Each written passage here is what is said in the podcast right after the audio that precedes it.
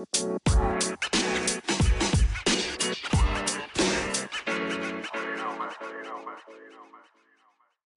to podcast Kerabat 2021.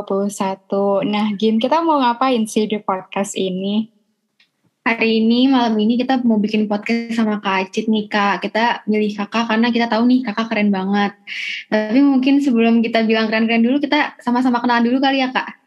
Selamat malam lagi Kak Acit. Kenalin nama aku Gina Takia Edward, bisa dipanggil Gina dari FKU 2020. Salam kenal, Kak.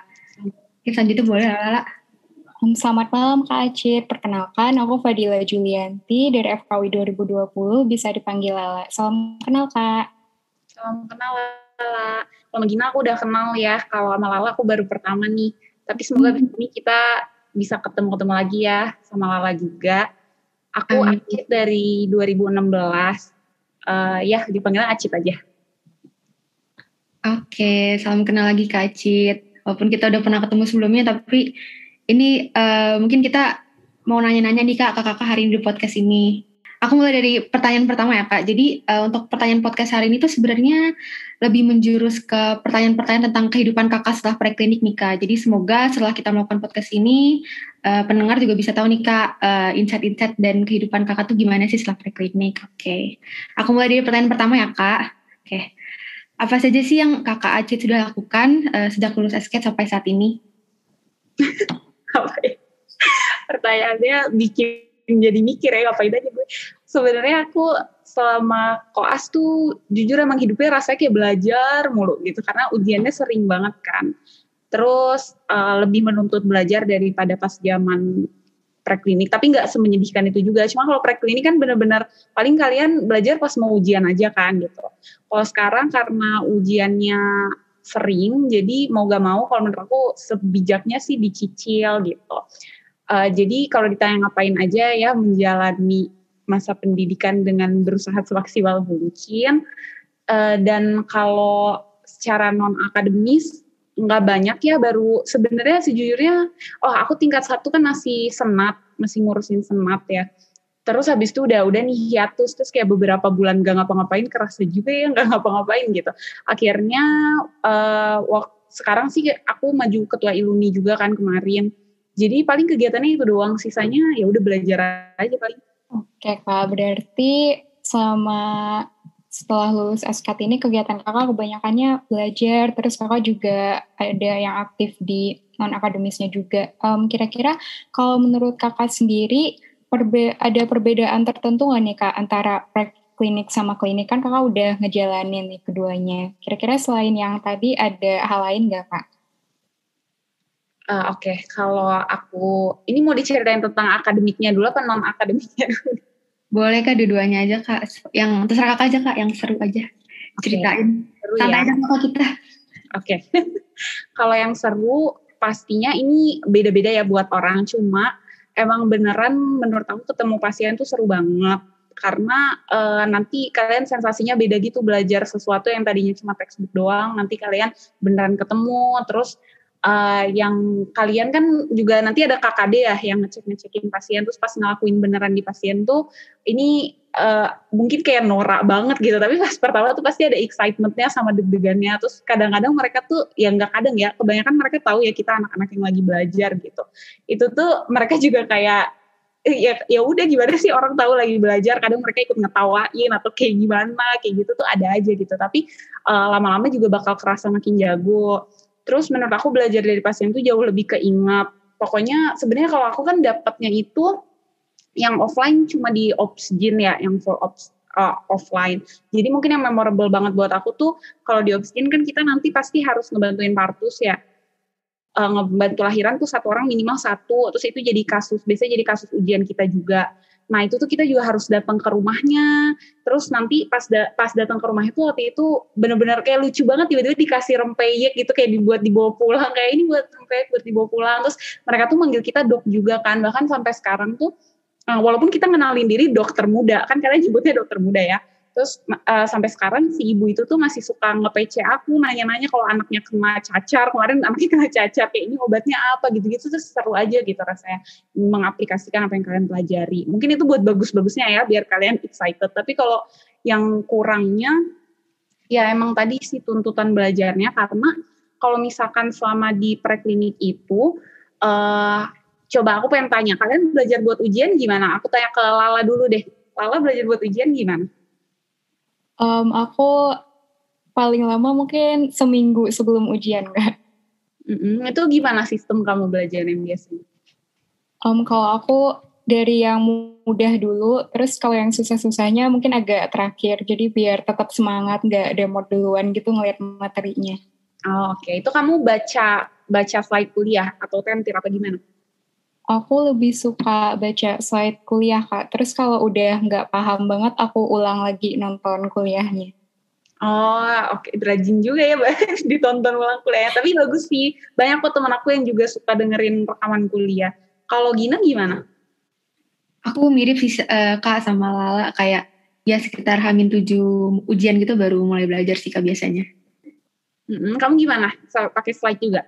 Hmm, enggak sih, aku biasanya kayak uh, nonton kuliah atau enggak baca tentir gitu sih kak. Tapi kalau Lala kan tadi yang mudah-mudah dulu ya kak kalau aku sih beneran beruntun aja gitu ngikutin kuliah satu, kuliah dua gitu kak. Terus kayak oh, murut ya? Iya, murut aja sih kak. Hmm. Oke, okay, kalau uh, dari insight dari aku, sebenarnya enak bangetnya preklinik tuh gitu ya. Kamu dari masuk modul udah tahu ini bakal ada berapa kuliah, sumanya kapan. Kalau kamu taruh timeline pun kayak bisa, misalkan, oh gue pengen satu hari satu kuliah, kamu tuh bisa ngitung belajar mulai dari kapan gitu kan. Nah tapi kalau misalkan di klinik tuh susah banget kayak gitu, karena satu jadwalnya lebih padat. Dua, uh, ujiannya kan ujian pasien ya rata-rata. Kalau misalnya ujian pasien kan kamu gak bisa ekspektasi kasus yang keluar apa. Dan sebenarnya bisa seenggak, kan jumlah jumlah penyakit banyak banget ya. Terus kamu kayak nggak tahu gitu ini tuh yang harus dipelajari yang mana aja prioritasnya mana. Jadi ada banget uh, unsur doa sangat penting dan juga uh, unsur kayak menerka-nerka kayaknya yang penting banget buat gue ketahui yang kayak gini deh yang penting banget itu tuh uh, hal-hal kayak gitu tuh gak setelah aku perhatiin ya ada beberapa orang yang emang bakat dia tuh bisa nentuin Nah kalau kamu punya teman-teman yang berbakat kayak gitu, itu kamu nggak apa-apa tanya-tanya menurut lo yang kayak penting yang mana, yang penting yang mana, kayak nyamain persepsi sama temen gitu. Uh, penyakit apa aja sih kira-kira yang harus benar-benar didalamin. Nah uh, itu sih yang menurut aku perbedaannya banget di sini tuh kamu benar-benar harus nentuin um, prioritas belajar kamu sendiri karena materinya sebanyak itu gitu. Jadi uh, benar-benar harus punya strategi. Menurut aku sih gitu ya yang kerasa banget. Gitu. Oke, berarti kalau aku simpulin kak, kalau uh, klinik itu serunya ketemu pasien, jadi banyak interaksi. Dan kakak juga kebetulan dapet yang offline ya kak di Opcin dan itu menurut kakak pengalaman yang nggak bisa didapetin di preklinik kayak kak. Nah, tapi tadi aku juga dapat uh, satu insight menarik nih kak, katanya belajar di klinik itu apa ya banyak uh, yang nggak nggak sesuai ekspektasi gitu, banyak yang unexpected karena kita ketemunya pasien gitu kan. Nah, kalau dari kakak sendiri sebenarnya ada nggak sih kak kayak kejadian-kejadian yang sama-sama unexpected gitu, tapi di pre, di preklinik gitu kak. Kalau tadi kan di klinik kak.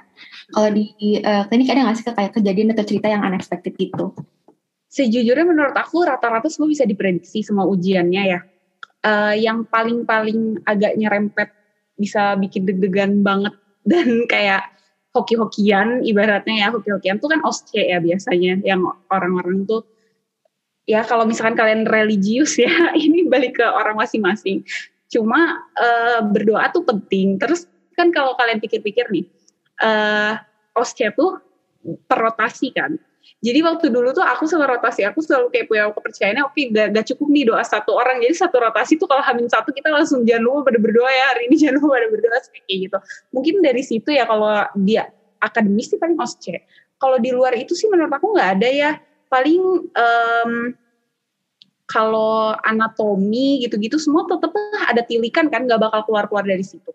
Beneran deh. Jadi menurut aku selama preklinik semangat aja belajar karena seterduga itu kok materinya gitu Oke kak, kalau yang non akademis ada nggak kak kayak kejadian-kejadian mungkin kepanitiaan atau apa gitu yang kayak tidak terbayangkan banget gitu terjadi di kakak selama preklinik?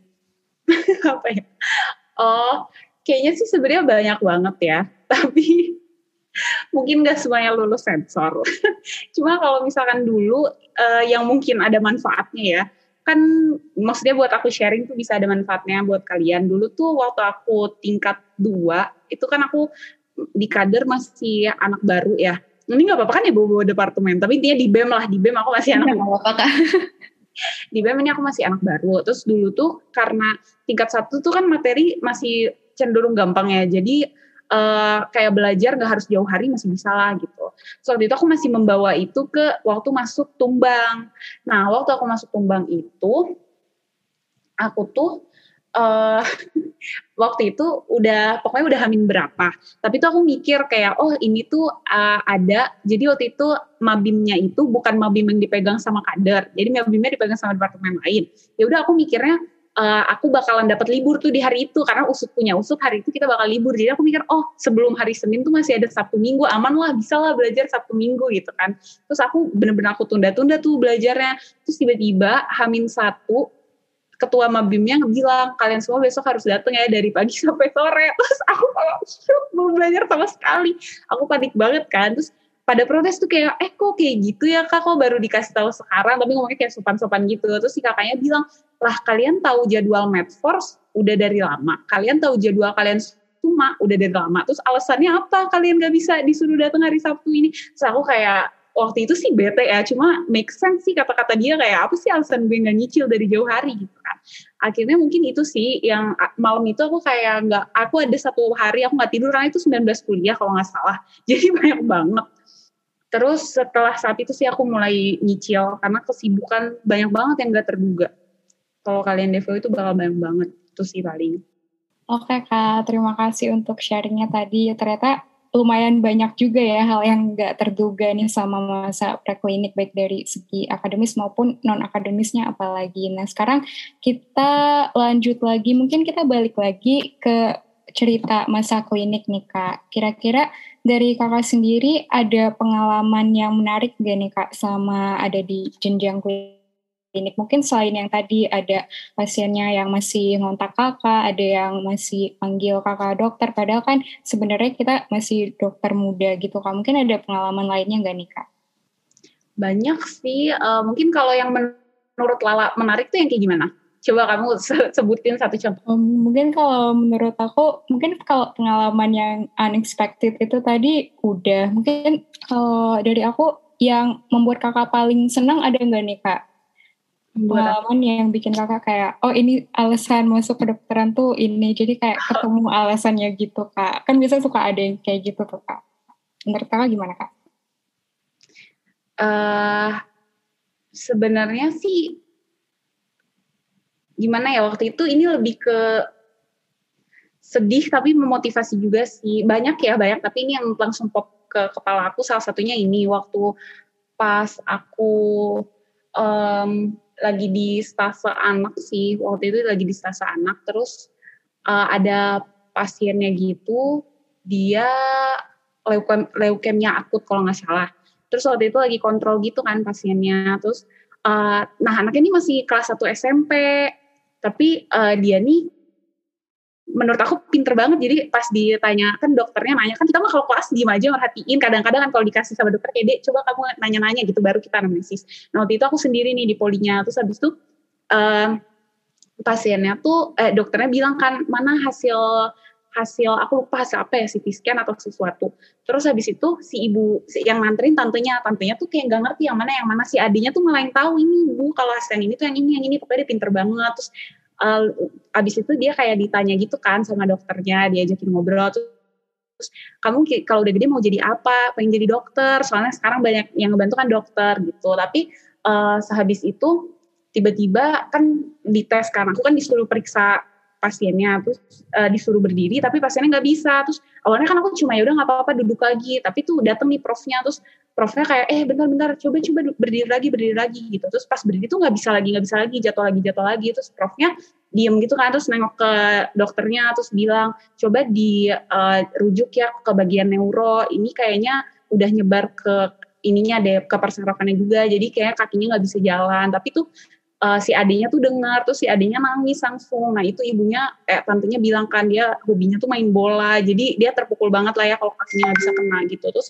eh, nggak uh, tahu kenapa kayak di situ aku ngerasa sedih banget kan. Kayak aku soalnya juga orangnya gampang sedih gitu. Terus pas ngeliat itu sedih terus anaknya nangis kan. Terus uh, si ibunya tuh bilang ke anaknya, eh tantenya ini bilang udah deh nggak boleh nangis, saya nggak boleh nangis. Terus profnya tuh nengok terus bilang nggak apa-apa bu, anak tuh boleh nangis, boleh nangis mau sekencang apa nggak apa-apa, tapi jangan patah semangat ya deh. Terus aku kayak ngeliat itu jadi kayak ah, aku pengen banget nanti jadi pinter biar at least kita bisa ngebantu lah gitu sedikit-sedikit. Maksudnya kayak dengan minimnya ilmu aku aja awalnya tuh aku mikir kayak oh dia nggak bisa ya dia kan udah di kursi roda gitu, adiknya nggak bisa berdiri tuh ya udah gitu. Tapi ini profnya tuh baru lewat doang aja dia langsung ngeh gitu kayak ini anaknya tadinya tuh masih bisa berdiri lebih daripada ini ada yang harus dilihat gitu. Jadi kejelian itu itu uh, sesuatu yang kita pelajari juga sih kalau di sini gitu.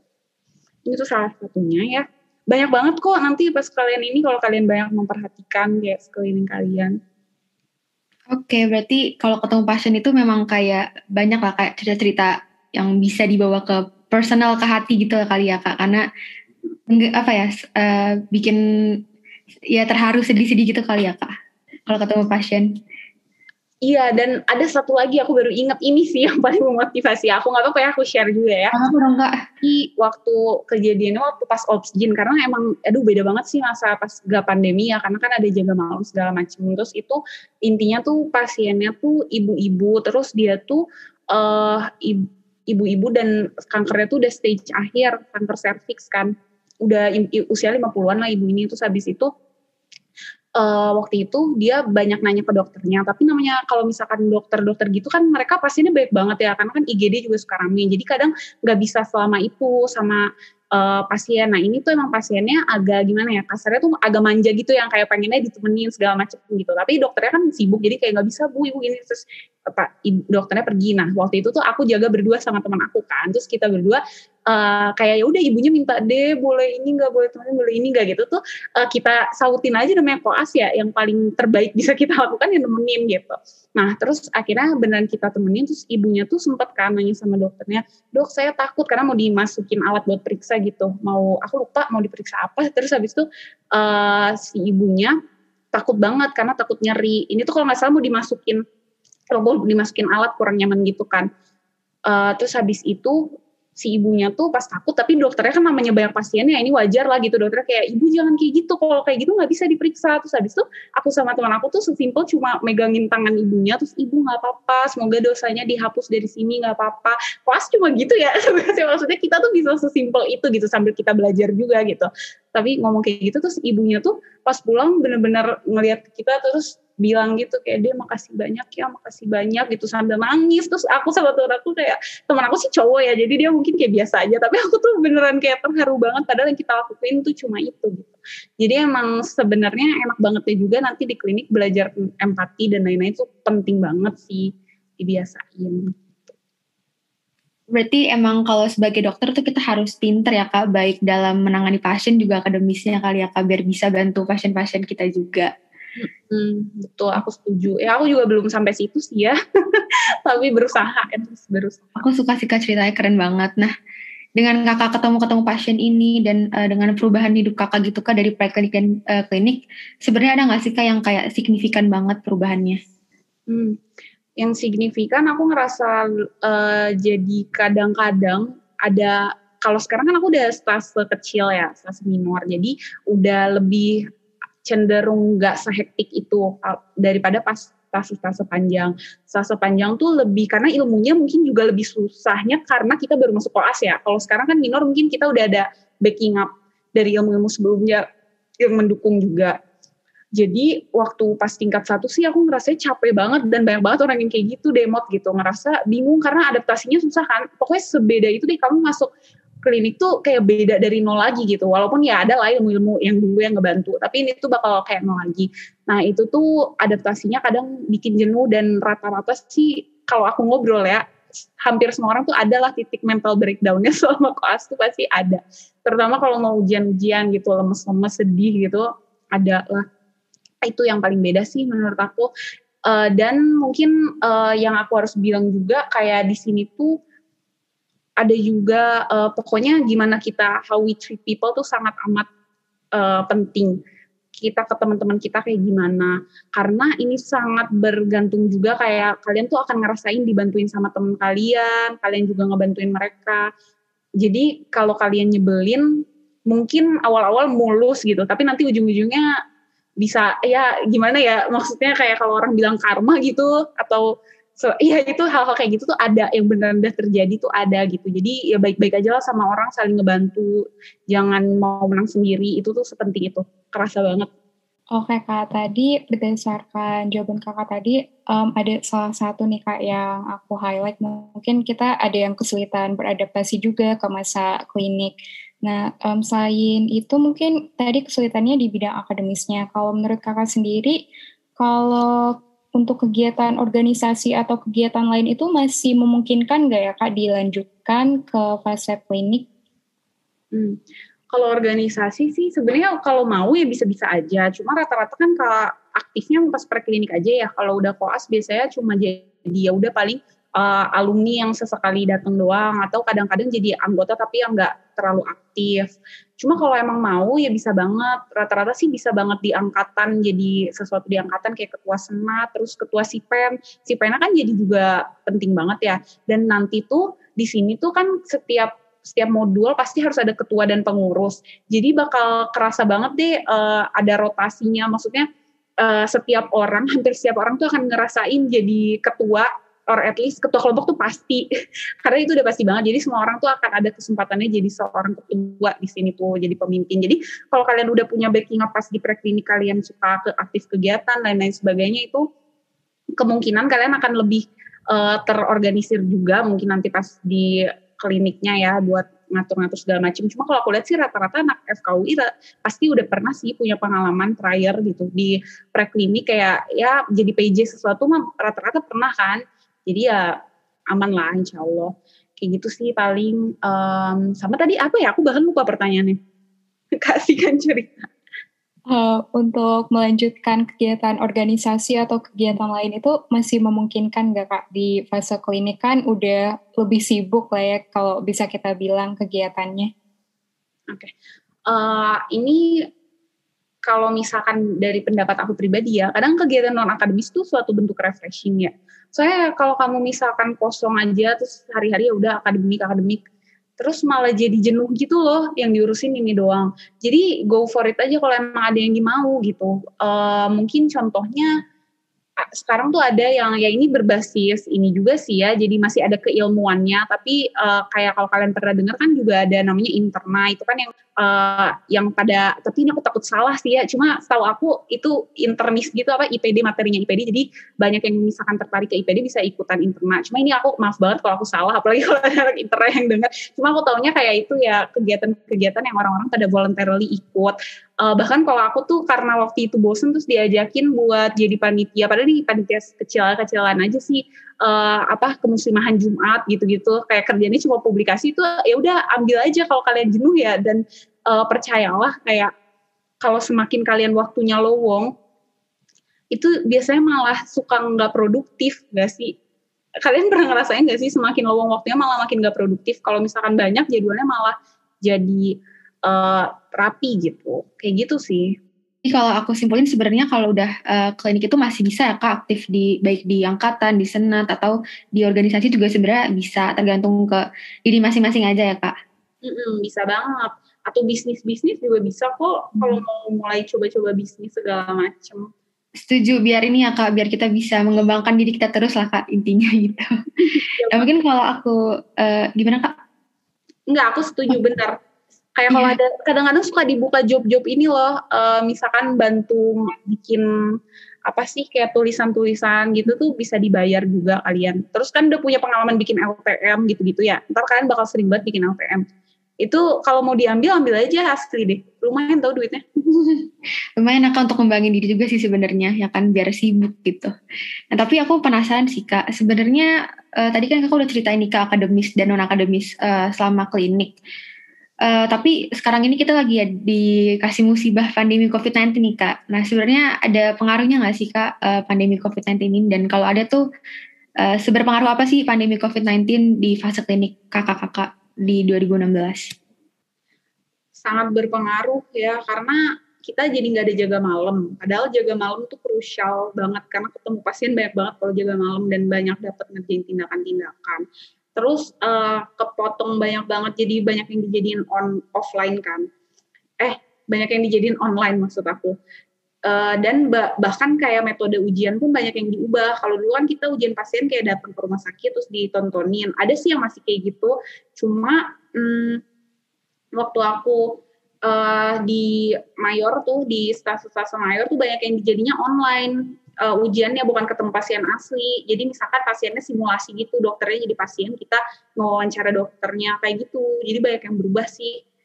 Gitu ya sebenarnya kalau itu mungkin nge-highlight yang kurang-kurangnya ya di angkatan aku tuh banyak jadi yang kayak khawatir kayak gimana ya gue lulus bisa apa ya ini bisa kayak ngerasa belum maksimal gitu cuma sebenarnya kalau mau ngelihat sisi positifnya ya menurut aku sih yang salah satu yang positifnya tuh banyak diskusi online kan nah diskusi online ini eh, kadang-kadang tuh aku ngerasa contohnya kayak pas di IPD itu tuh jadi kita lebih terpapar banyak kasus karena kita bisa ikutin diskusi teman-teman kita juga kan. Sementara kalau offline kan kita ya udah kita cuma dapetin diskusi yang kita gitu. Kalau ini kita terbuka buat umum gitu. Jadi kalau kamu rajin, kamu bisa dapat banyak kasus. Bahkan beberapa kasus tuh kamu dapat berulang kali sampai hatam gitu karena sering banget dengerin diskusinya kayak gitu.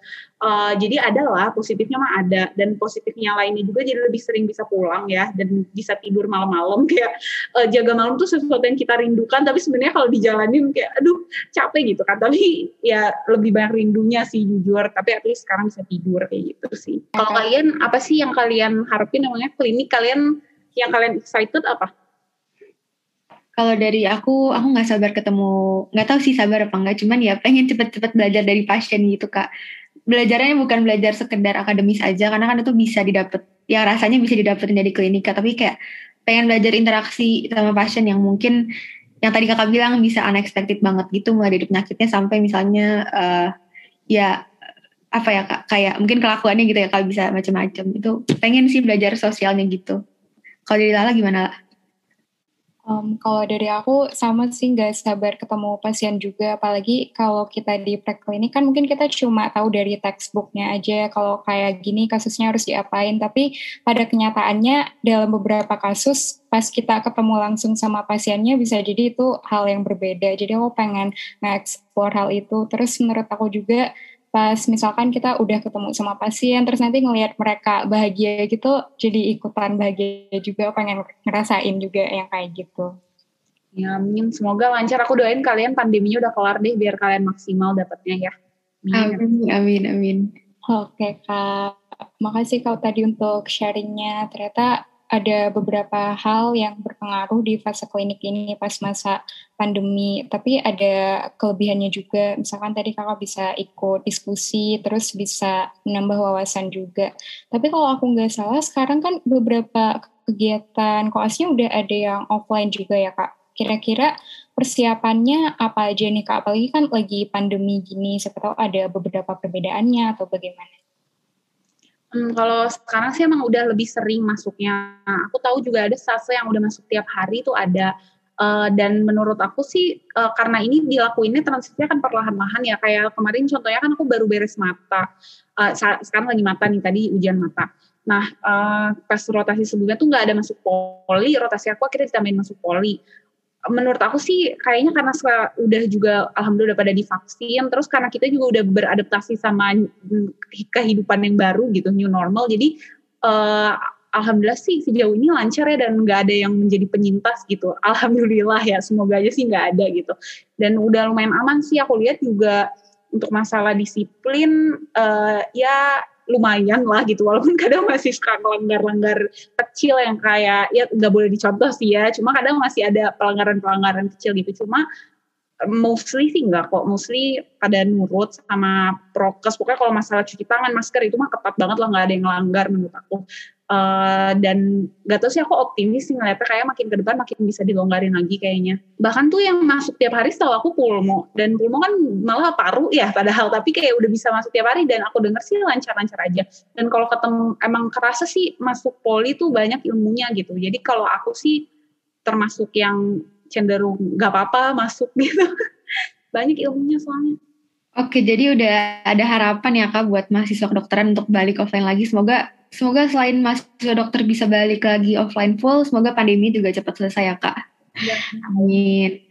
Oke, mungkin aku mau ngasih pertanyaan lagi nih Kak. Ada nggak sih Kak pesan buat mahasiswa uh, preklinik? Apa sih yang harus dimaksimal uh, maksimalin gitu yang akan berdampak ke klinik nantinya? Hmm, Oke, okay. tadi sih yang muncul ke otak aku uh, cari dan jagalah pertemanan yang baik ya. Berteman sama semuanya, tapi kalau misalkan ya nggak pakai tapi benar berteman sama semua. Uh, dan kalau ketemu sama orang-orang baik yang membuat kalian menjadi lebih baik lagi, hold them close dan juga berbuatlah baik ke mereka karena uh, mereka juga akan jadi orang-orang yang sangat berpengaruh ke kehidupan kamu nanti gitu. Ketika misalkan kamu sakit, kamu segala macam itu tuh mereka mungkin orang-orang yang akan sangat paling membantu kamu nanti. Mungkin itu salah satu yang aku tekanin di di klinik tuh kita banyak terpencar-pencar kan dan kita tuh akan seringnya biasanya ngegrupnya sama teman-teman deket kita gitu. Nah kalau kalian punya pertemanan yang kuat, pertemanan yang nyaman dan uh, saling membantu satu sama lain dalam bidang akademis dan non akademis syukurilah dan dijagalah. Menurut aku gitu. Dan jangan banyak musuh. Kalau banyak musuh pusing kalian nanti Oke Kak, terima kasih untuk pesan-pesannya untuk mahasiswa preklinik. Semoga pendengar kita semua bisa diingat tadi itu pesan-pesan dari Kak Acit pasti berguna banget. Tapi kalau sayang banget ternyata pertanyaan dari Gina tadi jadi pertanyaan terakhir untuk podcast kita kali ini sebelumnya. Uh, terima kasih Kak untuk sharing-sharing informasinya dan wawasannya. Kemudian pesan-pesannya juga. Tapi mungkin sebelum menutup podcast kali ini, kira-kira dari Kak Acit ada pesan dan kesan untuk angkatan 2020 nggak nih Kak? Hmm, kalau pesan tadi udah ya, kalau kesan sih aku kan terpaparnya Gina lagi, terus uh, kemarin sama Apit ya, Apit kan ya? Iya kak, Apit. Itu kan kemarin ya, sama Apit, terus habis itu sekarang ada teman baru Lala, ya pokoknya kita kita saling berteman lah ya, kalau ketemu sapa-sapaan aja, Uh, terus bagus nih yang kayak gini-gini acara kerabat kalian kalau bisa uh, jalin pertemanan antar angkatan banyak manfaat yang bisa kalian dapetin kalau punya kenalan-kenalan di luar angkatan. Uh, kemudian juga selama kalian preklinik mumpung waktunya masih banyak banyaklah ambil aktivitas-aktivitas cobain aja segala macam temuin yang kalian suka yang kalian gak suka kerjain aja itu sih dari aku. Oke, makasih banyak Kak Acit. Jadi sebenarnya ini uh, ajang podcast kerabat ini atau acara kerabat keseluruhan sebenarnya bisa sih Kak menjaga hubungan kita ini. Jadi semoga ke depannya 2016 sama 2020 bisa makin deket ya Kak dengan acara-acara kayak gini. Iya, amin, amin, amin. Dan uh, semoga uh, teman-teman yang dengar podcast ini juga bisa uh, mengilhami nih apa yang dikatain dari Kak Acit tadi. Soalnya Kak Acit tuh emang keren banget guys. Jadi tadi aku ngomong sama Kak Acit tuh emang udah terkenal lah ya. Makanya kita bisa ajak ke podcast ini. Semoga hubungan uh, antara 2016 sama 2020 bisa terjalin. Dan semoga yang denger juga bisa dapat manfaat dari podcast kali ini. Sekali lagi makasih Kak Acit udah ngeluangin waktunya buat bikin podcast sama 2020 makasih udah ngajak aku. Good luck ya kalian kerabatnya. Semangat juga Kak di kliniknya. Makasih Kak. Selamat klik selamat menjalani fase klinik. Semoga lancar sampai ke depannya ya Kak. Terima kasih. Lala, makasih Gina.